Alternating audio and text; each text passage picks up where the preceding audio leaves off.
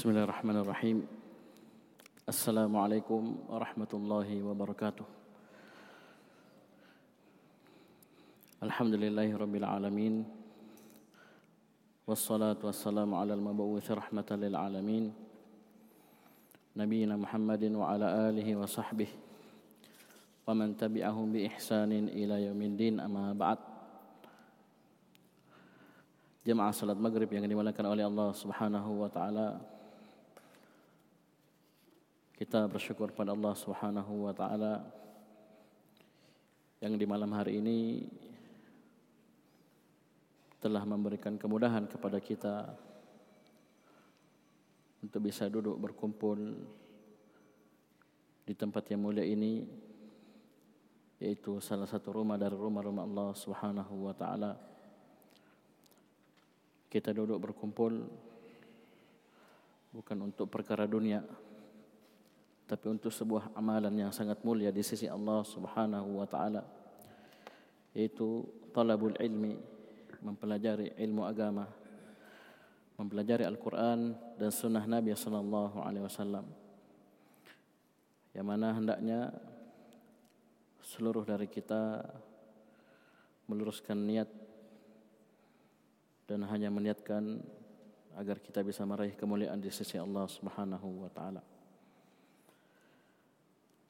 Dan seyogyanya di malam hari ini yang mengisi adalah ustaz kita Al Ustaz Ali Yadin hafizahullah karena beliau berhalangan beliau sedang sakit syafahullah jadi kami diminta untuk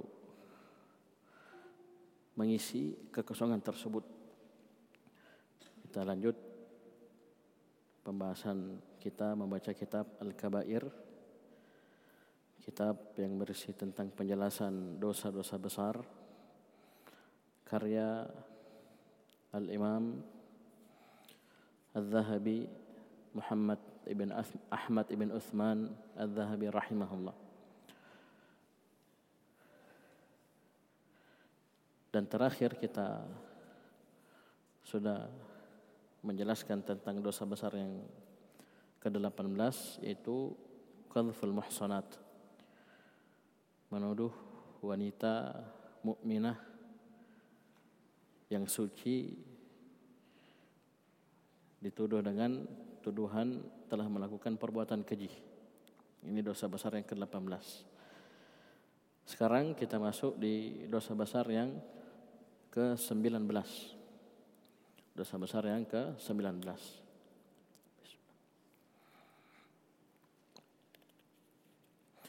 Kata Zahabi rahimahullah Al-kabiratu at-tasi'ata asyrata Dosa besar yang ke-19 Yaitu Al-gululu minal ghanimati wa min baitil mali wa zakati. Dosa besar yang ke-19 adalah al-gulul. Al-gulul kata Syekh As-Sa'di rahimahullah huwa al-kitmanu min al-ghanimah. Al-kitmanu min al-ghanimah yaitu menyembunyikan ghanimah.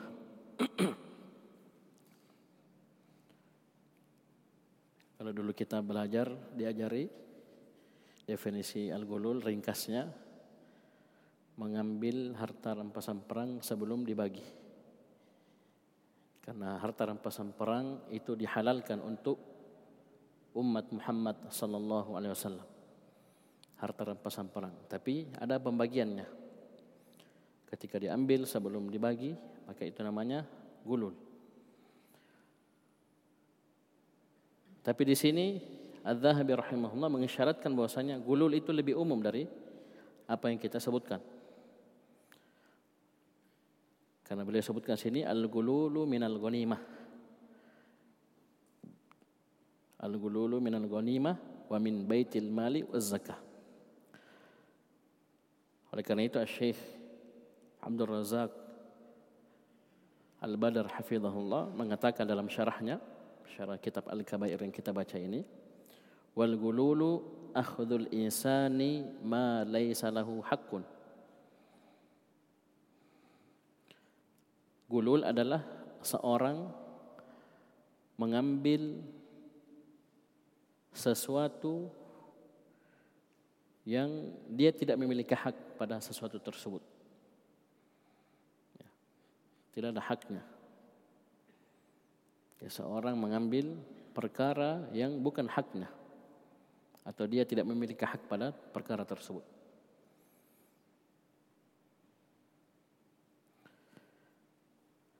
baik itu minal ghanimah dari harta rampasan perang ini yang paling pertama disebut. Seperti yang kita sudah sebutkan di awal. Atau wamin baitil mal atau dari baitul mal. Baitul mal dari penamaannya rumah harta itu pengumpulan harta yang dikelola oleh negara ya oleh pimpinan kaum muslimin Baitul Mal.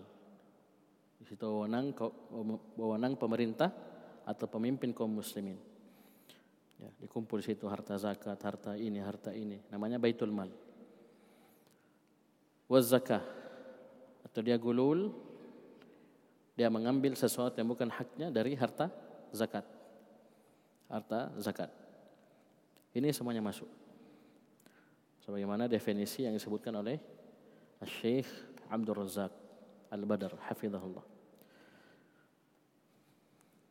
Kemudian beliau menyebutkan sebuah ayat dari surah Ali Imran ayat 161 161 Surah Ali Imran ayat 161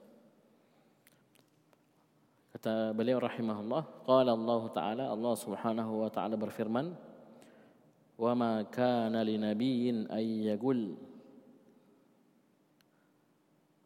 Tidak pantas bagi seorang nabi pun untuk melakukan gulul. Untuk melakukan gulul.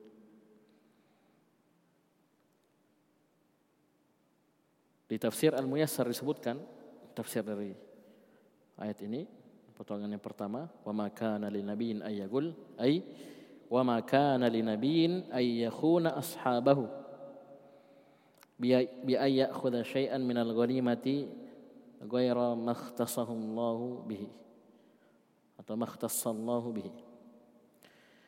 Yaitu seorang nabi tidaklah pantas untuk yakhuna ashabahu mengkhianati sahabat-sahabatnya. Dengan apa? Perbuatan khianat tersebut. Dengan mengambil sesuatu dari gonimah dengan mengambil sesuatu dari gonimah yang bukan perkara yang Allah Subhanahu wa taala peruntukkan untuk dirinya. Karena ingat ketika harta rampasan perang itu dibagi, Nabi wasallam punya bagian dari hal tersebut. Punya bagian. Taib. Tapi di sini disebutkan wa maka nali nabiin ayagul itu dinafikan ya, perbuatan gulul ini dari nabi walaupun beliau punya bagian tapi sisanya tidak ada yang beliau ambil. Dan sini nabi dalam bentuk nakirah dalam susunan penafian mencakup seluruh nabi dan rasul. Seluruh nabi dan rasul tidak ada mengambil sedikit pun dari yang bukan haknya. Kemudian Allah Subhanahu wa taala menyebutkan ancaman.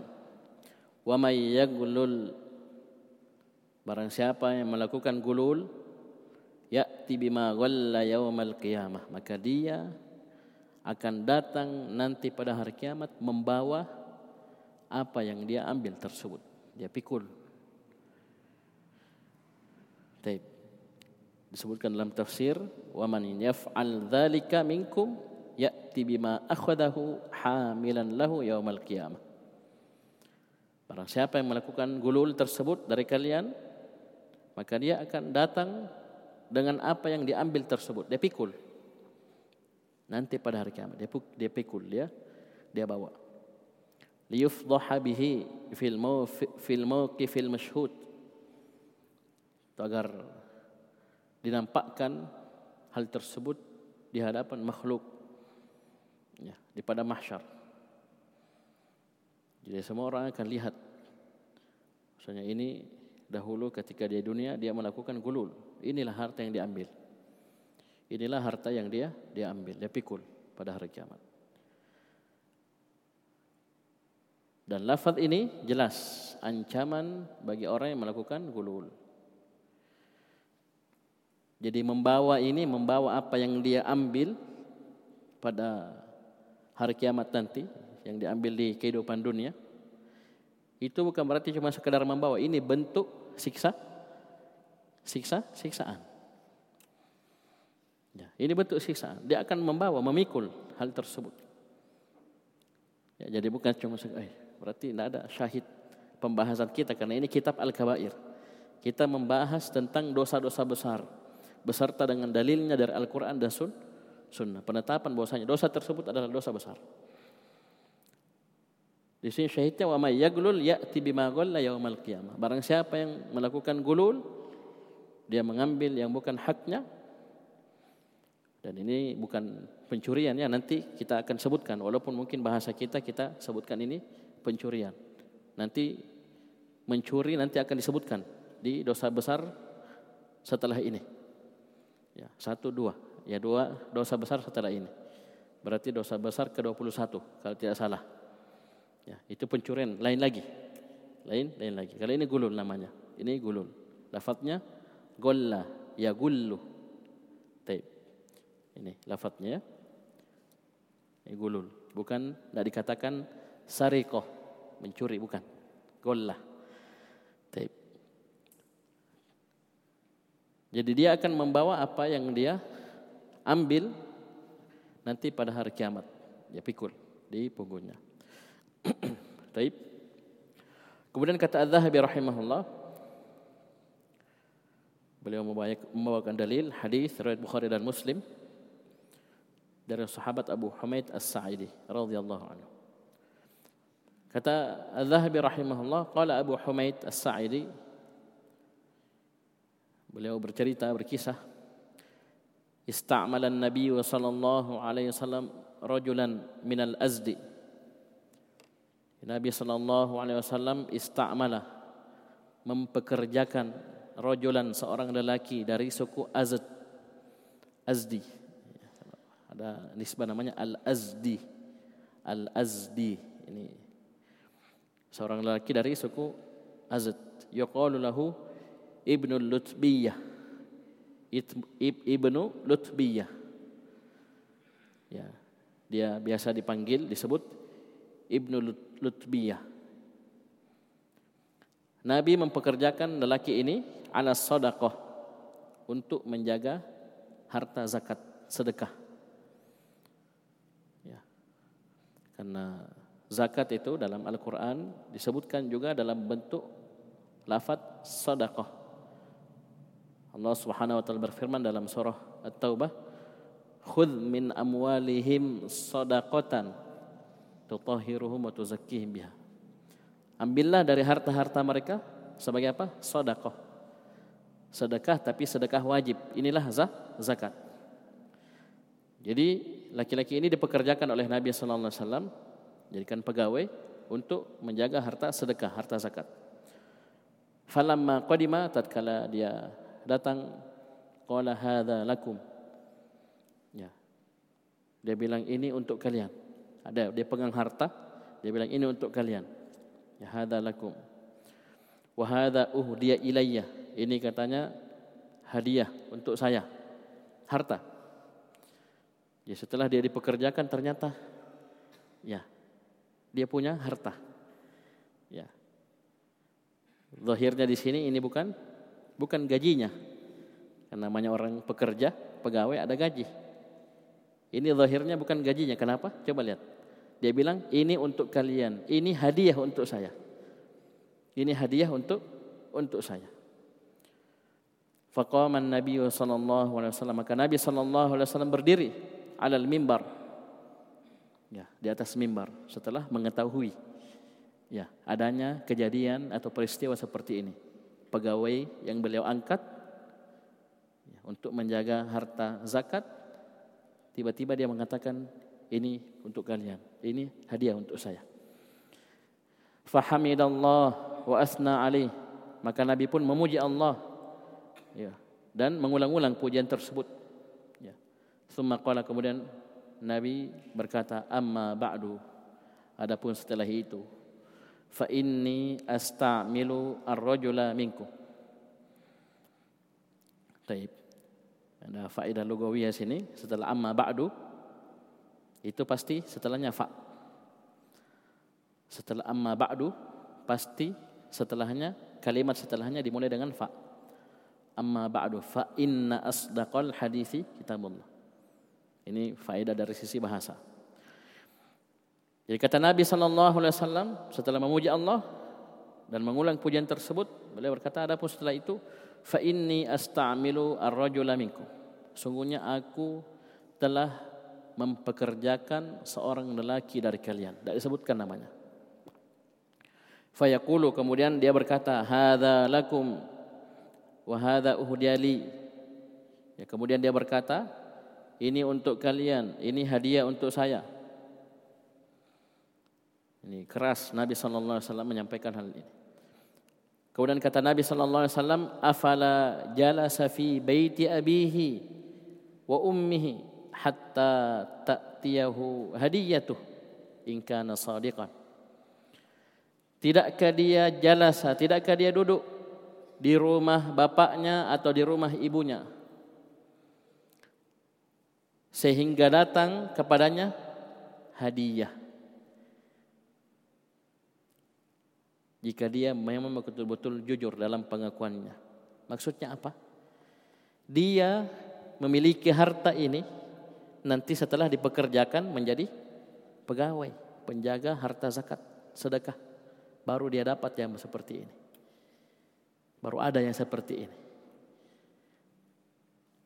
Coba dia duduk di rumah di rumahnya saja, di rumah bapaknya, di rumah ibunya ini maksudnya, dia duduk saja di tempatnya di rumahnya, kalau memang ini betul-betul hadiah, maka walaupun dia tidak dipekerjakan sebagai pegawai, pasti akan datang hadiah tersebut. Tapi sini Nabi sebutkan, tidakkah dia duduk di rumah bapaknya, di rumah ibunya sampai datang hadiah tersebut. Kalau memang dia betul-betul jujur itu, itu hadiah. Ini isyarat, ada pelanggaran. Ya, ada pelanggar, pelanggaran. Ya, pada harta tersebut. Bisa dipahami? Kemudian kata Nabi sallallahu alaihi wasallam menyebutkan ancaman secara umum. Wallahi demi Allah la ya'khudhu ahadum minkum syai'an bighairi haqqin. Demi Allah tidaklah seorang di antara kalian ya'khudhu mengambil sesuatu tanpa hak.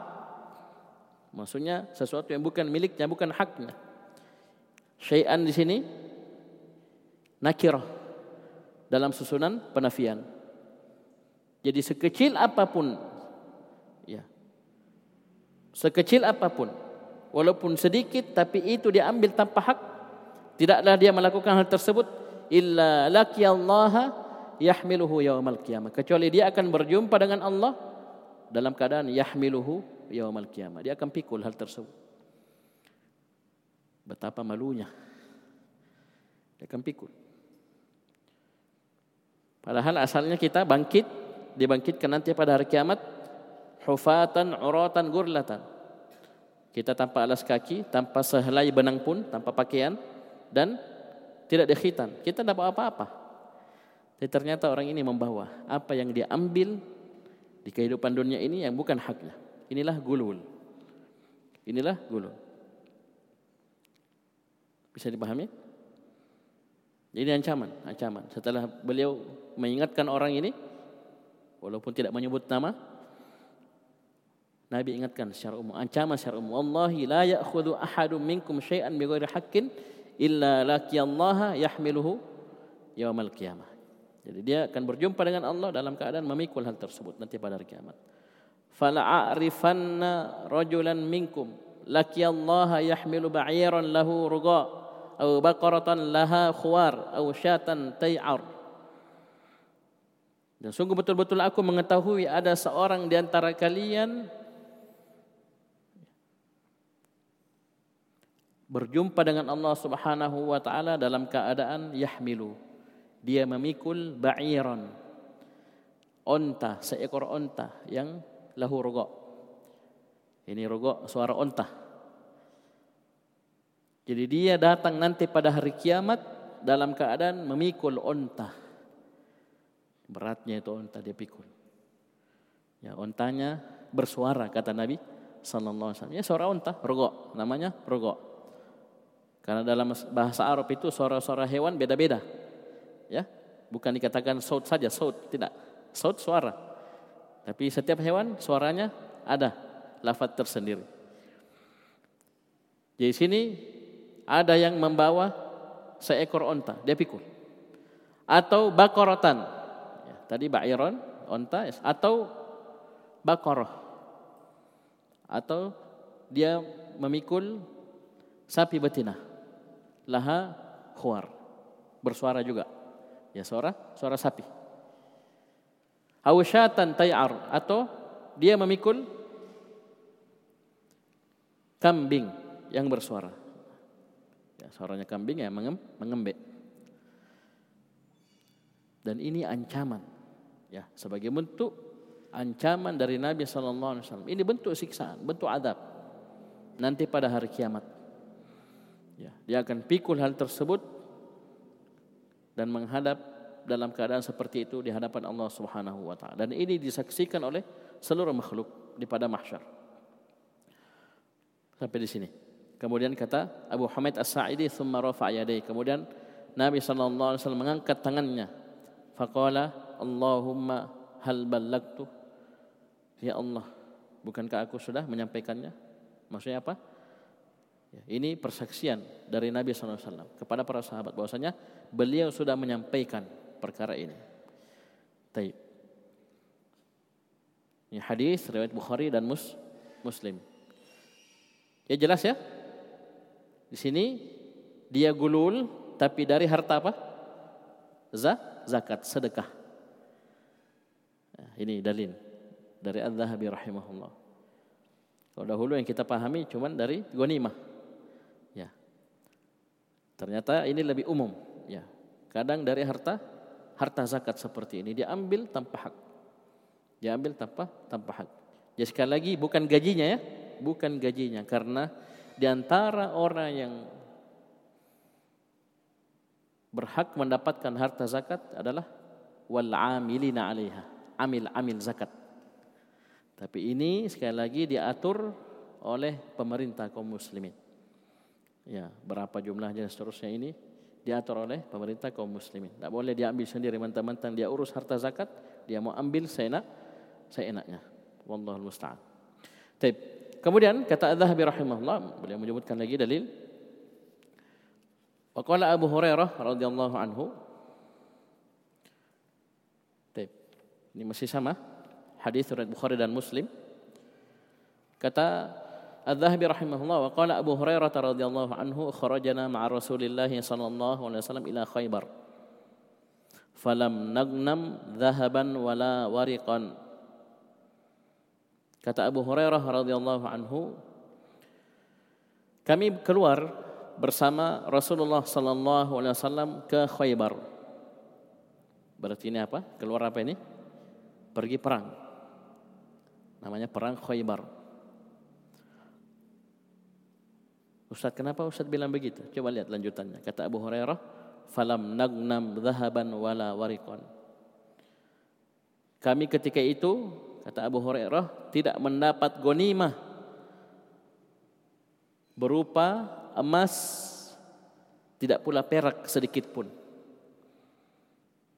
Berarti kaum muslimin menang atau kalah? menang. Ya, menang. Taib. Bahkan kalau tidak salah ingat ini perang Khaybar ini tidak ada pertumpahan darah, tidak ada peperangan. Ya. Nabi SAW menang tanpa ada pertumpahan darah. Jadi kami tidak mendapatkan gonimah berupa emas dan perak sedikit pun tidak ada. Gonimna al-mata'a wa ta'ama wa thiyaba. Akan tetapi kata Abu Hurairah, kami mendapat gonimah berupa al-mata' barang-barang perkakas, at-ta'am, makanan, wasyab dan pakai pakaian. Thumman talakna ilal wadi. Kemudian kami pergi ke sebuah lembah. Wa ma'a Rasulillah sallallahu alaihi wasallam abadun lahu. Dan bersama Nabi sallallahu alaihi wasallam seorang abadun, seorang budak hamba sahaya. Wahabahu lahu rajulun min judham. Seorang budak yang merupakan hadiah dari seorang lelaki dari Judham. Jadi Nabi Shallallahu Alaihi Wasallam itu tidak menerima sedekah, zakat, tapi beliau menerima hadiah. Beliau menerima hadiah. Ini budak ini hadiah dari seorang lelaki dari Judham. Falamma nazalna qama abdu Rasulillah sallallahu alaihi wasallam yahullu rah, rahlahu farumiya bisahmin fakana fihi hatfuhu Tatkala kami turun singgah di lembah tersebut, budaknya Rasulullah Sallallahu Alaihi Wasallam ini berdiri. Ya, dia ambil tunggangannya. Farumya bisahmin. Ternyata dia terkena anak panah. Ingatnya ini sudah selesai, sudah dapat gonimah, sudah ada harta rampasan perang. Seperti yang kita sebutkan tadi.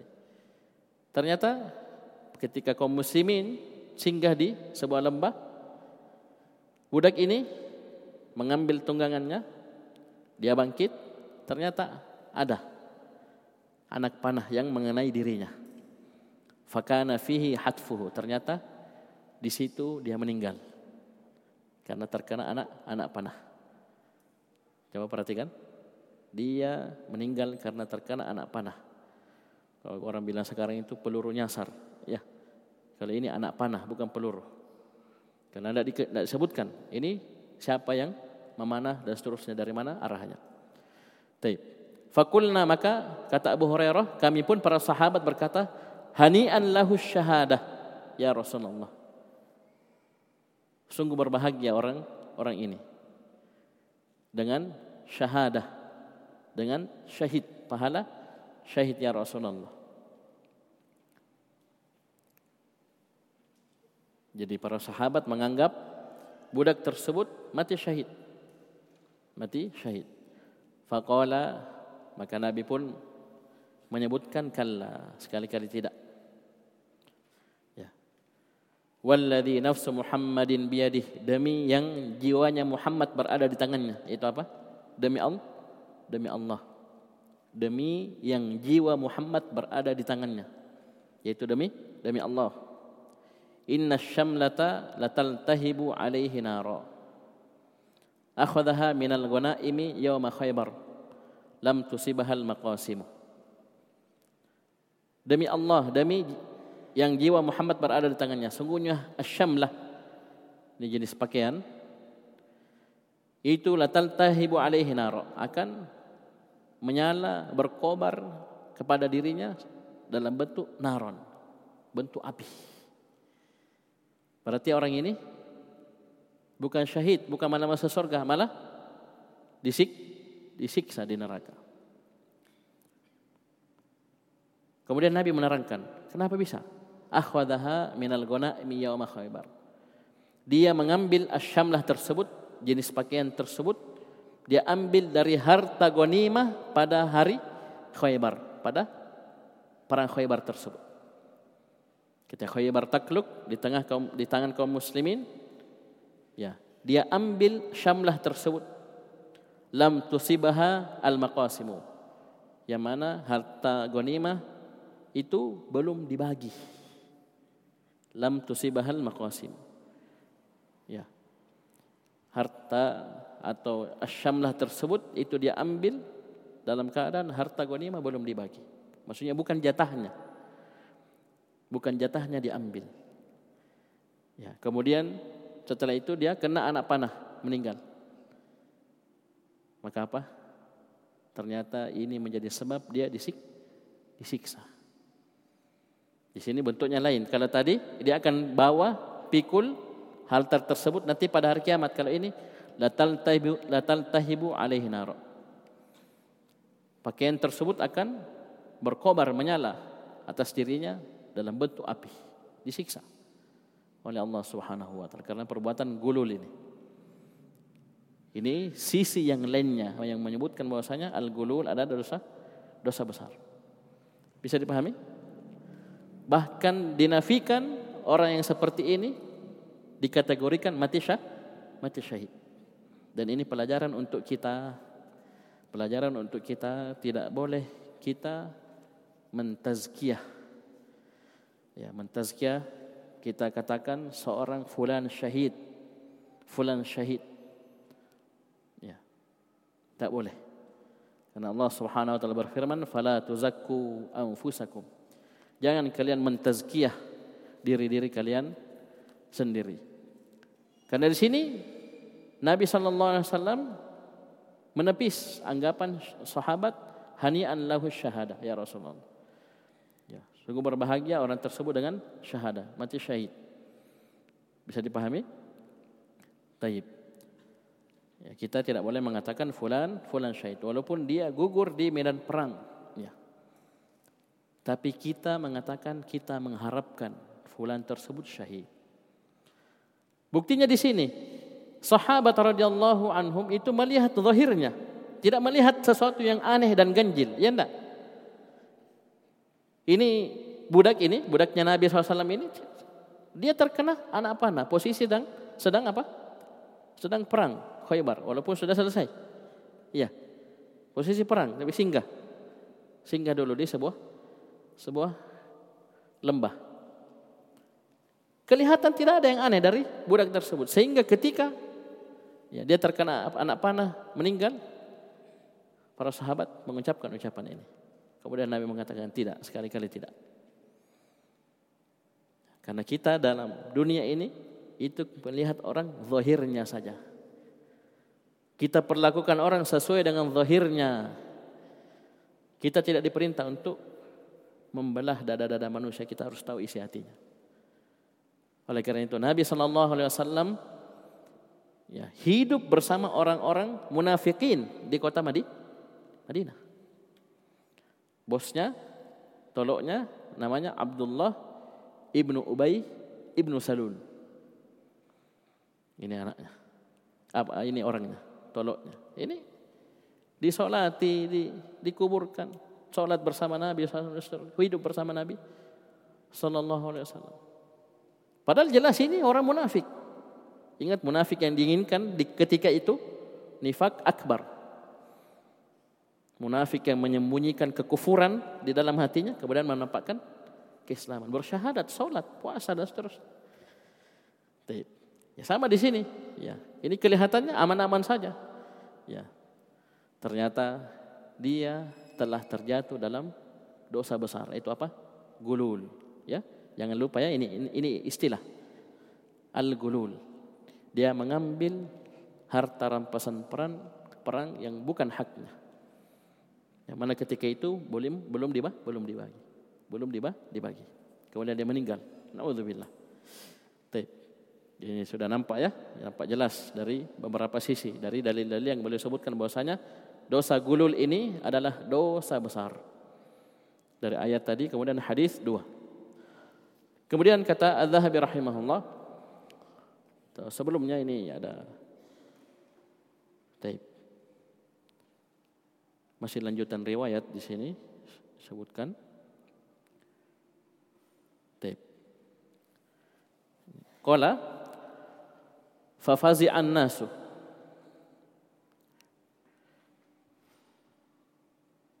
Manusia pun terkejut. Faja'a rajulun bisyirakin au syirakaini. Ini wallah alam, ini lanjutan ceritanya, maka manusia pun terkejut.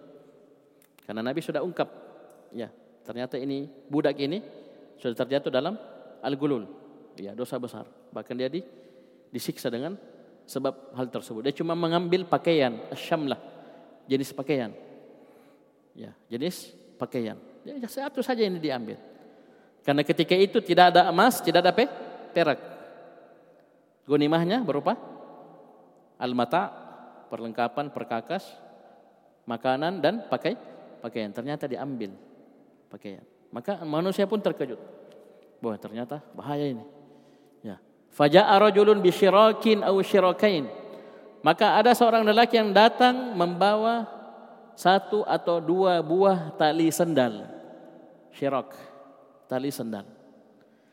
Faqala maka Nabi pun sallallahu alaihi wasallam bersabda, "Syirakun aw syirakani min nar." Ini satu atau dua tali sendal dari neraka. Wal iyadu billah. Muttafaqun hadis ini Bukhari Muslim. Ya mungkin dia tobat, sadar, kembali ini. Coba lihat. Betapa diagungkannya, dihormatinya dan dijaganya harta dalam syariat Islam. Nanti akan disebutkan oleh Az-Zahabi rahimahullah. Jadi harta itu ya kita bisa peroleh dengan dengan cara-cara yang dibenarkan dalam syariat. Entah kita beli atau kita dikasih dan seterusnya. Adapun ini gulul, ini sudah disebutkan tadi definisi dari Syekh Abdul Razak itu mengambil sesuatu yang bukan hak kita. Walaupun istilah ini sering-seringnya dipakai apa dalam penggunaan harta rampasan perang diambil sebelum dibagi. Jadi bukan jatahnya dia ambil. Tapi ternyata Az-Zahabi me, me, memberikan kita faedah bahwasanya ini lebih umum. Ini ghanimah masuk, harta zakat juga masuk seperti dalam kisah tadi Ibnu Lutbiyah dan juga bahkan dari Baitul Mal. Dari Baitul Mal. Ya. Karena di antara harta yang disimpan di Baitul Mal adalah harta harta zakat. Harta zakat yang dikumpul, dikumpulkan oleh pemerintah. Kemudian kata Az-Zahabi rahimahullah, wa akhraja Abu Dawud min hadisi Amr bin Shu'aib an abihi an jaddihi dan Abu Dawud mengeluarkan hadis dari Abdullah bin Amr bin As radhiyallahu anhuma. Baik. Sini ada kelemahan disebutkan di taklik. Baik dari Abdullah bin Amr bin As radhiyallahu anhuma beliau menyebutkan anna Rasulullah sallallahu alaihi wasallam wa Abu Bakar wa Umar harraku mata'al ghalli wa darabuh.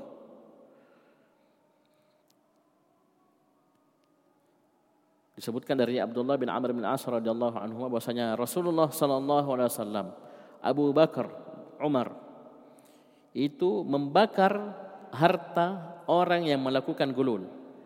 Harraku membakar harta orang yang melakukan gulul wa dan menghukumnya dengan hukuman ya pukul ya.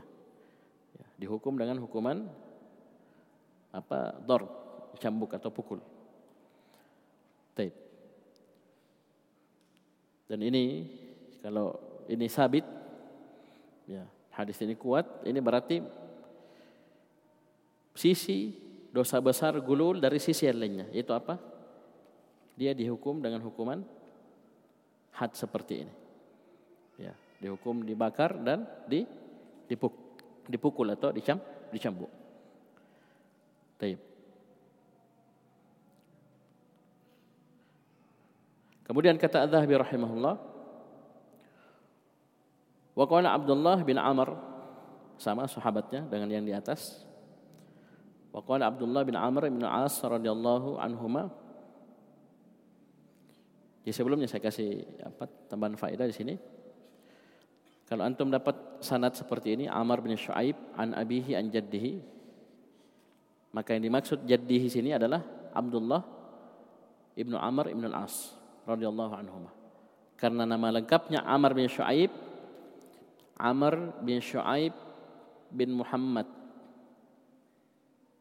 bin Abdullah bin Amr ibn al-As radhiyallahu anhu.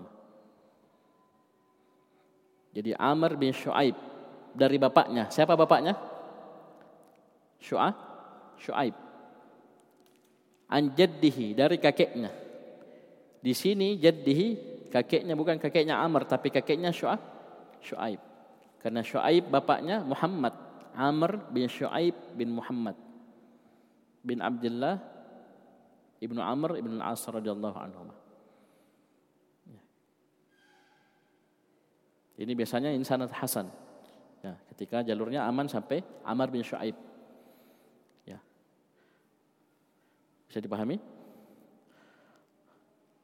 Kemudian kata Adz-Dzahabi rahimahullah wa Abdullah bin Amr radhiyallahu anhuma kana ala thaqali Rasulillah sallallahu alaihi wasallam rajulun. Jadi ini thaqal di fathah sa-nya dan qafnya.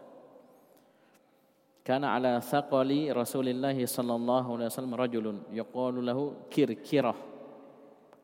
Sebagian membaca karkarah. Famata. Kemudian dia afan famata taib berkata Abdullah bin Amr bin As radhiyallahu anhuma dahulu di iring-iringan ya perjalanan Nabi sallallahu alaihi wasallam namanya orang melakukan perjalanan itu ada barang-barang yang dibawa, ada yang mengawal, ada yang mengiringi. Ya. Itu ada seorang lelaki. Seorang lelaki rajulun. Yuqalu lahu kirkirah. Dia biasa dipanggil dengan kir-kira. Sebagian menyebutkan kar-kar. Kemudian kata Abdullah bin Amr, laki-laki ini pun meninggal, famata. Ini kir-kira meninggal. Berada dalam iringan rombongan Nabi sallallahu alaihi wasallam, perjalanan Nabi sallallahu alaihi wasallam. Faqala Nabi sallallahu alaihi wasallam huwa finnar. Maka Nabi SAW bersabda, dia di neraka. Jadi fonis-fonis seperti ini kita memastikan seorang syahid, seorang di surga, seorang di neraka, ini tidak boleh kita tetapkan tanpa ada dalil Al-Quran dan sun, sunnah. Yang betul-betul menyebutkan nama ini fulan, fulan, fulan, finnar, fil, fil jannah. Fulan, fulan syahid. Kalau kita punya dalil silahkan. Abu Lahab, Abu Jahal, Fir'aun, Haman, Korun, seterusnya itu tidak ada masalah. Ya. Sepuluh sahabat yang diberi kabar gembira dikumpul dalam satu hadis. Al-asharatul mubashirina, mubasyirina bil bil jannah. Kita mengatakan mereka semua di surga ini apa-apa. Fulan-fulan di surga dari hadis-hadis Nabi sallallahu alaihi wasallam atau dari ayat Al-Qur'an, istrinya Firaun. Ya, Maryam, dalam surga. Bisa dipahami? Ini apa-apa. Tapi selain itu, kalau kita tidak punya dalil, tidak bisa. Kita cuman bisa mengharapkan dia masuk surga dan mengkhawatirkan, mendoakan dia supaya dia tidak masuk ke neraka. Sebaik apa pun seseorang tidak boleh kita tazkiyah. Dia pasti masuk surga. Dan sejelek-jelek ya orang, ya misalnya sejahat-jahat orang tidak boleh kita langsung kita dia di pasti di neraka, tidak boleh. Oleh karena itu disebutkan dalam istilah almarhum pakai alif lam ini seakan-akan kita memastikan rahmat untuk orang tersebut. Bentuknya kata sifat almarhum isim maf'ul pakai alif lam. Ya, ini kurang tepat. Yang pasnya kita bilang rahimahullah. Kalau dia perempuan rahimahullah, doa. Karena kalau kita pakai alif lam seakan-akan pas pasti dirahmati. Ya, ini untuk kaum muslimin sudah tidak pas, tidak cocok apalagi untuk orang orang kafir. Bisa dipahami? Baik. Paham ya? Di sini dikatakan kata Nabi huwa dia di neraka. Ingat Nabi memfonis dia di neraka ini apa dasarnya? Wahyu dari Allah dan tidaklah seorang diazab disiksa kecuali karena do, dosa. Maka apa apa? Sahabat mendengar ya Nabi mengatakan kir-kirah di neraka, fadahabu. Mereka pun pergi. Yang zuruna ilaih. Dia lihat ini kir-kirah. Ini Nabi di, cuma dikasih tahu dia meninggal langsung huwa finar dia di neraka. Para sahabat pergi menjumpai kir-kirah ini sudah meninggal fawajadu aba'atan qad Ternyata para sahabat wajadu menemukan aba'ah ini nama jenis pakaian juga qad yang telah dia ambil. Yang telah dia ambil, bukan haknya dia ambil. Coba. Nabi bilang apa? Huwa finnar. Dia di di neraka. Bisa dipahami? Ini mengerikannya gulul, dosa gulul. Ya. Walaupun tidak disebutkan ya apakah ini perjalanan perang atau tidak. Ya, kalau perang sama dengan yang tadi. Ya, sama dengan bu budak tadi. Ya di perang Khoy, Khaybar. Dia ambil syamlah jenis pakaian ya sebelum harta ghanimah diba dibagi. Bukan haknya. Kalau ini dia ambil abaah. Ya, bukan hak. Dikatakan qadagollaha. Abaah yang dia telah ambil secara gulul. Secara gulul, bukan haknya. Taib. Coba adzan dulu, kita lanjut setelah adzan. Taib, kita lanjutkan. Jadi sudah beberapa sisi kita sebutkan bahwasanya gulul ini dosa besar.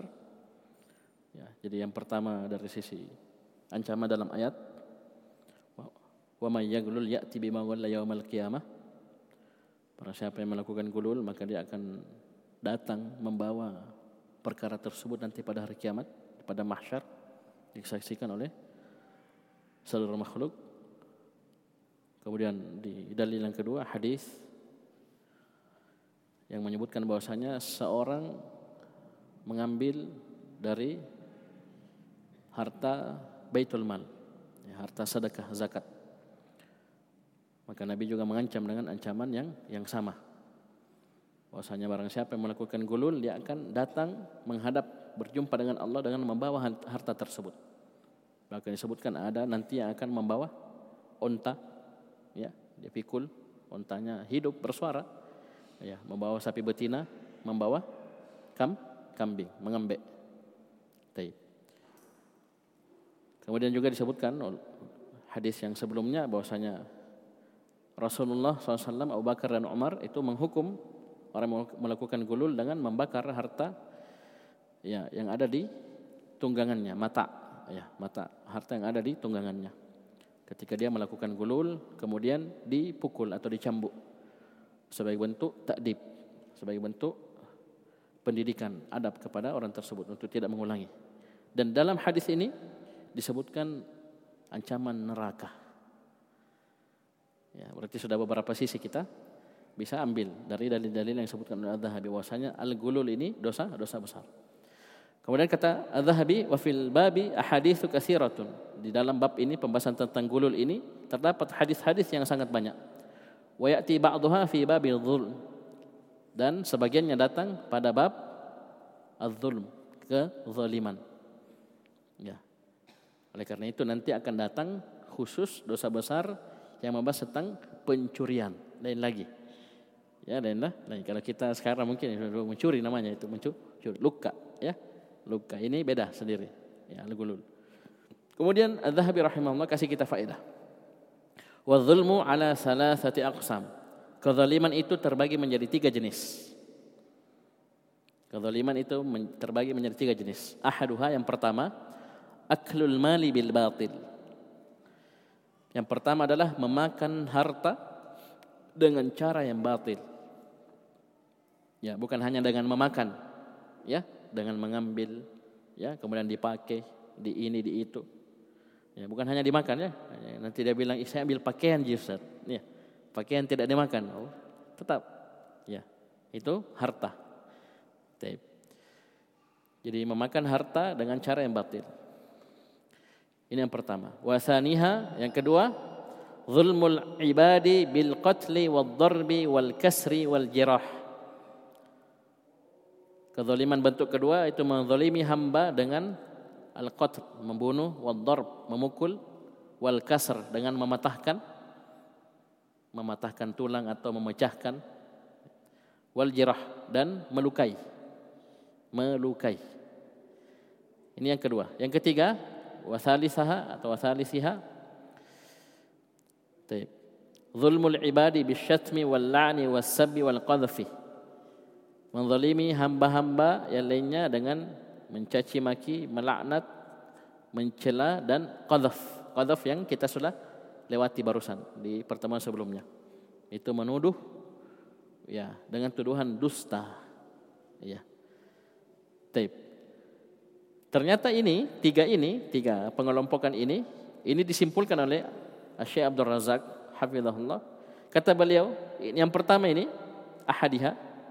Yang pertama ini, ini kezaliman berhubungan dengan harta. Al-qismul awwalu yata'allaku bil amwal, kata Syekh Abdul Razak. Yang pertama ini hubungannya dengan harta manusia. Kezaliman yang hubungannya dengan har harta manusia. Harta bukan hanya makanan, hanya uang semua, pakaian dan seterusnya. termasuk tanah ya. Taib. Yang kedua, ini kedzaliman yata'allaku biddima. Kedzaliman yang berhubungan dengan darah. Ya, dengan membunuh, memukul, mematahkan, melukai. Ya. Dengan berbagai macam caranya. Ini hubungannya dengan dah, darah. Kemudian yang ketiga, ini hubungannya dengan apa? Ya ta'allaku bil a'rad. Kezaliman yang ketiga ini berhubungan dengan apa? Kehormatan. Jadi yang pertama dengan harta, yang kedua dengan darah, yang ketiga kehormatan. Subhanallah. Coba lihat kata Az-Zahabi rahimahullah wa qad khataba an-nabiy sallallahu alaihi wasallam an-nasa biminan. Dan sungguh Nabi sallallahu alaihi wasallam telah berkhutbah kepada manusia di Mina pada haji wada. Haji wada di tahun ke-10 Hijriah. Faqala Nabi menyebutkan di, di khutbah tersebut inna dima'akum wa amwalakum wa a'radakum alaikum haram. Sungguhnya darah-darah kalian, harta-harta kalian, kehormatan-kehormatan kalian itu haram atas kalian. Maksudnya apa? Tidak boleh dilanggar.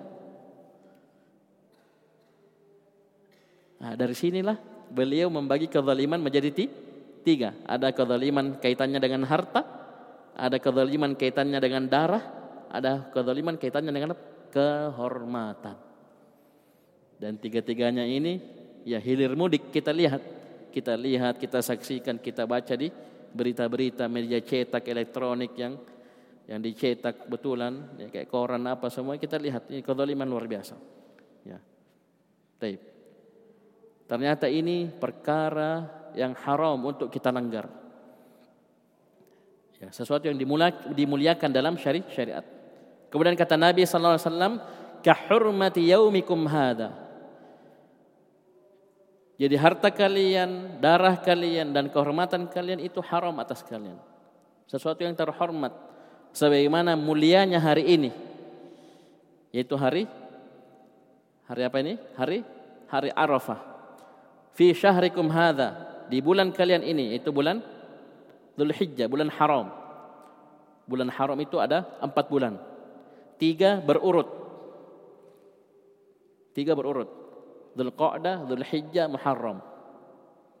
Satunya Roh, Rojab. Dikatakan Rojab Mudhar. Empat bulan haram. Fi baladikum hadha. Di negeri kalian ini itu apa? Apa? Mek Mekah. Sebagaimana hari ini hari yang mulia, bulannya mulia dan tempatnya mulia. Ya, begitu pula darah, harta dan kehormatan kan. Sesuatu yang mulia, haram untuk kalian langgar sesama kalian. Sesama kalian. Taib.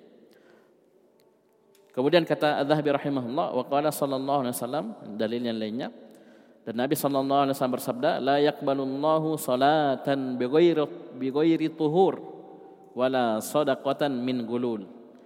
Allah Subhanahu wa taala tidak akan menerima salat salat apa pun. Karena nakira dalam susunan penafian salat apa pun bighairi tuhur. Salat yang tidak disertai dengan toha toharoh. Ada sholat yang diterima kalau tidak ada toharoh? Ya. Ada sholat yang diterima tanpa toharoh? Tidak? Tidak ada. Di sini Nabi tegaskan, Allah tidak akan menerima sholat apa pun tanpa adanya toha, toharoh. Wala sodaqatan min gulul. Dan juga Allah subhanahu wa ta'ala tidak menerima sedekah apa pun. Ya, sedikit maupun banyak. Kalau itu dari harta gulul. Harta yang diambil tanpa hak biar banyak ya. Seperti misalnya ada gonimah belum dibagi diambil emas. Ya kemudian emas tersebut dia sedekahkan. Dia sedekahkan. Ini tidak diterima oleh Allah Subhanahu wa taala. Baik, kemudian kata Adz-Dzahabi rahimahullah wa qala Zaid bin Khalid Al-Juhani berkata Zaid bin Khalid Al-Juhani Taib. Radhiyallahu anhu inna rajulan ghalla fi ghazwati Khaybar sungguhnya ada seorang lelaki yang melakukan gulul pada perang Khaybar sudah lewat tadi ada kisahnya Famtana'an Nabi sallallahu alaihi wasallam minas salati alaih. Nabi pun enggan tidak mau menyolati jenazah lelaki tersebut. Kemudian beliau menyebutkan alasannya. Inna sahibakum golla fi sabilillah. Sungguhnya teman kalian ini ini telah melakukan gulul di jalan Allah karena posisi sedang pe, sedang perang. Disebutkan ini Ghazwati Khaybar perang Khaybar. Ternyata dia melakukan pelanggaran berupa gulul, mengambil gonima sebelum dibagi. Bukan haknya, bukan jatahnya, bukan bagiannya. Ya.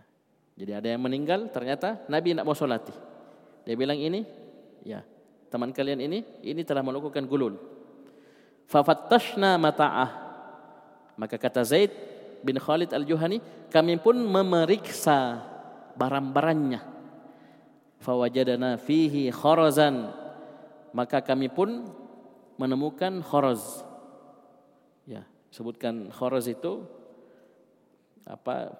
Perhiasan jenis perhiasan yang kata Zaid bin Khalid ma yusawi dirhamain kadarnya itu tidak menyamai dua dirham maksudnya apa perhiasan yang murah Perhiasan bukan perhiasan yang mahal, yang mewah.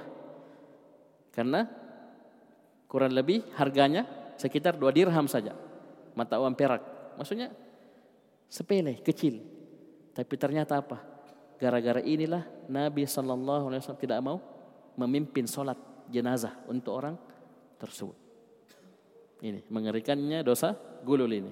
Akhrajahu Abu Daud dan An-Nasai. Terakhir kata Adz-Dzahabi rahimahullah, Wa qala al-Imam Ahmad berkata Imam Ahmad Ahmad bin Hambal Hambal itu nama kakeknya Ahmad bin Muhammad bin Hambal nama bapaknya Imam Ahmad namanya Muhammad Ahmad bin Muhammad bin Hambal kata Al-Imam Ahmad ma na'lamu anna an-nabiy sallallahu alaihi wasallam taraka as-salata ala ahadin illa 'ala al-ghalli wa qatili nafsihi Kata Imam Ahmad kami tidak mengetahui jadi beliau sandarkan kepada ilmunya. Ini maksudnya sebatas ilmu yang beliau ketahui. Kami tidak mengetahui bahwasanya Nabi sallallahu alaihi wasallam meninggalkan salat untuk seseorang, maksudnya apa? Tidak mau menyolati, memimpin salat jenazah untuk seseorang. Kami tidak tahu kecuali alal gol. Yang pertama, kecuali terhadap orang yang melakukan gulul. Yang tadi sebutkan kisahnya. Jadi Nabi Shallallahu Alaihi Wasallam tidak pernah diketahui oleh Imam Ahmad dari riwayat-riwayat yang beliau baca dapatkan dari guru-gurunya. Nabi Shallallahu Alaihi Wasallam tidak mau, mau menyelati seorang jenazah kecuali yang pertama al-gol. Kalau orang tersebut telah melakukan gulul seperti hadis yang sebelumnya, hadis Abu Daud dan An-Nasai. Ya. Nabi dipersilahkan jadi imam memimpin salat tidak mau. Kenapa? Inna sahibakum hadha qad fi sabilillah atau ghalla fi sabilillah. Saya tidak mau karena ini telah melakukan gulul. Yang kedua, waqatil nafsih, orang yang membunuh dirinya. Dan ini disebutkan ada kisah yang pernah saya sebutkan seorang yang sudah sakratul maut terkena ya senjata ya ya sabetan pedang petombak dan seterusnya berdarah-darah sudah sakratul maut. Dia tidak tahan dia tidak tahan sakitnya, ya, hal tersebut. Kemudian diambil pedangnya, ya, diambil pedangnya, ya, ini pegangannya ya, ini pegangannya, ini ujungnya, diambil pedangnya, pegangannya ditaruh di tanah, kemudian ujungnya ditaruh mengarah ke atas, dia taruh dirinya, dadanya disebutkan darahnya, dadanya. Gravitasi menekan, dia kasih jatuh dirinya, tertusuk tembus dia bunuh dirinya. Kemudian dilapor ke Nabi SAW ditanya, bahwasanya ada orang seperti ini, kejadian seperti ini. Dikatakan huwa finnar. Orang ini di neraka. Padahal sedikit lagi. Ya, sedikit lagi. Dia meninggal syahid fi sabilillah. Tapi apa? Dia bunuh dirinya. Tapi Allah alam apakah ini yang dimaksud oleh Imam Ahmad kisah ini atau yang lainnya. Tapi kisah ini ada ya, kisah bunuh diri ah, ada. Dan Nabi SAW menyebutkan bahwasanya orang yang membunuh dirinya akan diadab, disiksa dengan bagaimana dia membunuh dirinya. Berarti bunuh diri dosa dosa besar. Kenapa? Diancam dengan adab, siksa. Ya, dia akan disiksa persis sama dengan cara dia membunuh dirinya. Dan sebagai penutup, ini berarti ya masalah bunuh-bunuh diri ini ya termasuk bom bunuh diri yang katanya jihad tidak dikatakan jihad syar syar'i. Kenapa? Asalnya dia bukan jihad tapi do, dosa besar. Kenapa? Tidak ada jihad dalam bahasa bunuh bunuh diri. Karena jika kita jihad entah kita meraih syahid berperang berperang sampai mati syahid atau kita menang bukan mau bunuh diri ya ya bukan mau bunuh diri ini penjelasan dari Adz-Dzahabi rahimahullah tentang dosa besar yang ke-19 itu dosa al-gulul. Taib. Nanti insyaallah di dosa besar yang ke-20 ini masih berkenaan dengan harta. Ya, begitu pula 21. 21 pencurian. Ya, curi, mencuri. Itu juga dosa dosa besar, tapi dipisahkan, dipisahkan. Taib sekian, subhanallah hamdik asyhadu an la ilaha illa anta wa atubu. Wassalamualaikum warahmatullahi wabarakatuh.